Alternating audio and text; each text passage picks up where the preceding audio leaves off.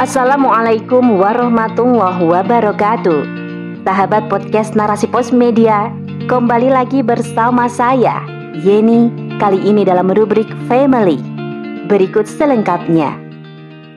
Toxic Parent, penyakit tak disadari orang tua. Oleh Ayah Ummu Najwa. Toxic parent adalah istilah yang biasa disematkan bagi para orang tua yang memperlakukan anak mereka dengan tidak baik sehingga kondisi fisik dan psikologis anak sering terganggu disebabkan orang tua yang toksik, yaitu perilaku kasar yang dapat meracuni mental anak. Toxic parent biasanya terjadi karena keinginan yang berlebihan atas anak. Perilaku ini sangat berbahaya bagi tumbuh kembang anak, bahkan dapat merusak dan mencelakakan anak. Demi memuaskan kebutuhan dan keinginan orang tua, mereka kadang mampu melakukan kekerasan seksual, kekerasan fisik dan verbal, termasuk pengabaian anak. Bahkan menurut pakar parenting nasional, Bunda Eli Risman, ada 12 perilaku toxic parent, orang tua kepada anak yang lumrah dilakukan, padahal itu berbahaya, yaitu menyalahkan, meremehkan, memerintah, membandingkan, mengancam, melabeli, membohongi, menasehati, menghibur, menyindir, mengkritik, dan menganalisa anak. Saat melihat anak melakukan tindakan yang tidak sesuai dengan keinginan orang tua, terkadang orang tua akan mudah emosi dan meluapkannya dengan kemarahan. Padahal, ketika emosi anak tidak baik, maka anak pun tidak akan mendengar nasihat. Anak akan mudah lupa dengan nasihat orang tua jika emosinya buruk. Untuk itulah, orang tua dianjurkan untuk tidak menasihati ketika anak sedang marah. Sebaliknya, ketika anak dalam keadaan bahagia, maka kerja memori otak akan bekerja lebih lama. Anak akan mudah mencerna setiap nasihat dengan baik jika emosionalnya dalam keadaan baik, tidak tertekan dan santai. Pendidikan orang tua yang diperoleh dari kecil, seperti sering dimarahi dan dilecehkan oleh orang tuanya dahulu, akan menyebabkan orang tua menerapkan perilaku toxic parent ini terhadap anaknya. Inilah efek domino yang dihasilkan dari trauma masa kecil orang tua tersebut. Maka, ada beberapa hal yang harus dilakukan oleh orang tua agar perilaku toksik ini berakhir. Pertama, menenangkan diri dan memaafkan orang tua. Dengan berpikir positif bahwa mereka melakukan itu karena ketidaktahuannya dalam mendidik anak, memaafkan masa lalu, senantiasa bersyukur bahwa tak semua masa kecil kita berisikan memori kesedihan dan hal buruk. Kedua, Coba pahami perasaan anak. Orang tua harus selalu mengingat bahwa anak bukanlah manusia dewasa berukuran mini. Sebagaimana fisiknya yang sedang berkembang, maka otak dan organ tubuhnya pun sedang berkembang. Daya nalarnya pun sedang berkembang dan harus melalui tahapan-tahapan agar dapat mencapai kesempurnaan akal. Maka, Orang tua tidak bisa memaksakan kehendaknya terhadap anak sesuai keinginan orang tua tanpa memikirkan emosi dan mental anak. Ketiga, muhasabah dan bertekad lupakan kenangan buruk masa lalu. Bertekad untuk meninggalkan kenangan pengasuhan yang tidak menyenangkan kepada anak. Didiklah anak dengan pola pengasuhan zamannya Imam Ahmad Al-Shahrastani dalam kitabnya yaitu Al-Milal wa Al-Nihal juz 2 ayat 82 yang menjelaskan asal-usul pemikiran-pemikiran sekaligus menjadi ensiklopedia pemikiran mengutip perkataan Sokrates seorang filsuf Yunani Janganlah kalian paksakan anak-anak kalian mengikuti jejakmu. Mereka diciptakan untuk kehidupan pada zaman mereka bukan pada zamanmu. Karena kehidupan akan selalu berubah. Perkembangan zaman selalu berganti. Tentu, zaman orang tua dulu berbeda dengan zaman anak sekarang.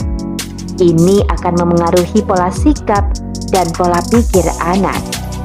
Maka, pengasuhan pun haruslah berbeda. Inilah yang harus dipahami orang tua.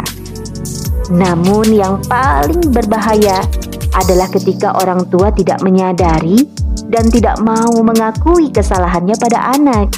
Mereka tidak berpikir panjang dan bahkan tidak peduli jika kelak anaknya melakukan hal sama kepada orang lain, buah dari yang dilakukan orang tua saat ini. Maka, ini tentunya akan menghambat terciptanya lingkungan yang sehat untuk tumbuh kembang anak, baik untuk kesehatan fisik maupun psikisnya. Toxic parent tak hanya menjangkiti mereka yang kurang ilmu agama, namun mirisnya banyak yang dikenal sebagai tokoh agama dan aktivis dakwah pun terkena penyakit ini. Sebagai bahan evaluasi dan perenungan bagi para orang tua, maka kita harus bisa mengenali ciri-ciri toxic parent. Di antaranya adalah orang tua mempunyai ekspektasi yang berlebihan terhadap masa depan anaknya kelak. Hal ini mengakibatkan orang tua akan mudah kalap jika melihat perilaku anak yang sekiranya dapat merusak rancangan-rancangan masa depan yang sudah ditentukannya, baik cita-cita duniawi ataupun cita-cita yang islami, seperti memaksakan anak menghafal Al-Quran atau hadis di luar kemampuan anak, hanya karena melihat anak orang lain berhasil. Selain itu juga sering membentak dan berkata kasar kepada anak kala sedang marah. Padahal perilaku ini tidak akan membuat anak memahami kesalahan dan menurut. Mereka malah akan trauma dan kadang semakin susah diatur.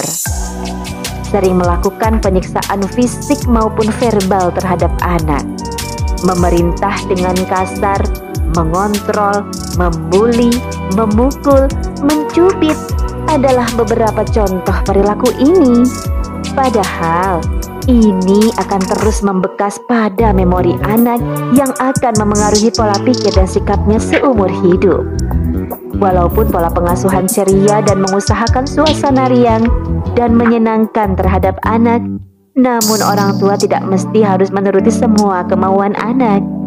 Sebagai seorang Muslim, orang tua harus tetap menjadikan akidah Islam sebagai acuan dalam mendidik dan membina keluarganya.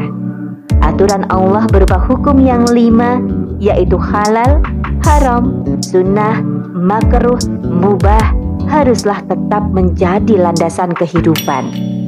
Jangan sampai hanya karena tidak ingin menjadi toxic parent, malah membuat orang tua lupa akan aturan Allah dalam pendidikan anak dengan memanjakannya menuruti segala keinginannya, walaupun mungkin menyalahi syariat Islam dan menjadi orang tua dayuts, yaitu orang tua yang abai dan terkesan membiarkan anaknya berbuat kemaksiatan. Contohnya adalah terlalu memanjakan, membiarkan dan tidak memerintahkan anaknya untuk sholat terlebih saat sholat subuh. Orang tua merasa sayang dan enggan membangunkan anak, hingga akhirnya sampai dewasa mereka abai dengan kewajiban sholat. Menuruti semua kemauan dan cita-cita anak, walaupun itu tidak sesuai dengan pola hidup seorang muslim, seperti menjadi penari, penyanyi, model, hingga memasukkan mereka ke sanggar-sanggar tari dan kontes-kontes, terkadang totalitas mereka membuat tak ada waktu mempelajari Al-Quran. Nauzubillah tidak membiasakan dan mengajarkan anak menutup aurat sejak dini, sehingga setelah mereka dewasa, mereka enggan dan menolak untuk berhijab. Abai terhadap pergaulan anak, membiarkan mereka bergaul bebas, bahkan dengan lawan jenis, termasuk penggunaan gadget yang kebablasan. Akhirnya mereka melakukan hal-hal yang dilarang agama, seperti selfie dan pacaran. Ciri-ciri toxic parent biasanya terjadi karena beberapa hal. Pertama, karena kurangnya ilmu dan buruknya pemahaman agama orang tua. Sehingga mereka tak peduli dengan kebahagiaan dan keselamatan anaknya. Kedua, karena rasa sayang yang berlebihan yang akhirnya membuat orang tua seakan lupa diri dalam menuruti dan mengikuti kemauan anak, meski bertentangan dengan syariat. Maka perilaku-perilaku inilah yang memasukkan mereka ke dalam golongan dayuts, yaitu orang tua yang acuh dan tak peduli apabila keluarganya berbuat maksiat. Padahal, alih-alih mendapatkan kebahagiaan, anak-anak malah akan sengsara dunia akhirat. Dalam hadis sahih riwayat Imam Ahmad, Rasulullah Shallallahu Alaihi Wasallam bersabda, tiga orang yang Allah haramkan masuk surga atas mereka, yaitu para pecandu hamar, anak durhaka, serta orang yang tidak memiliki sifat cemburu yang merestui hal keji terjadi pada keluarganya. Hadis riwayat Ahmad. Saatnya mengenali penyakit yang kerap menghinggapi orang tua ini agar dapat menghindari dan menjauhinya. Didik anak kita dengan tarbiyah ala Rasulullah Sallallahu Alaihi Wasallam yang penuh kasih sayang dan ilmu. Kenali dan pahami emosi anak, tanamkan tauhid sejak dini, bangun jati diri mereka sebagai muslim, pahamkan mereka dengan agamanya. Kenalkan dan biasakan dengan cinta dalam penerapan hukum-hukum Islam, serta ajak mereka dalam berkontribusi terhadap perjuangan Islam. Sejatinya, mencetak generasi mumpuni tidak harus dengan toxic parent. Wallahu a'lam.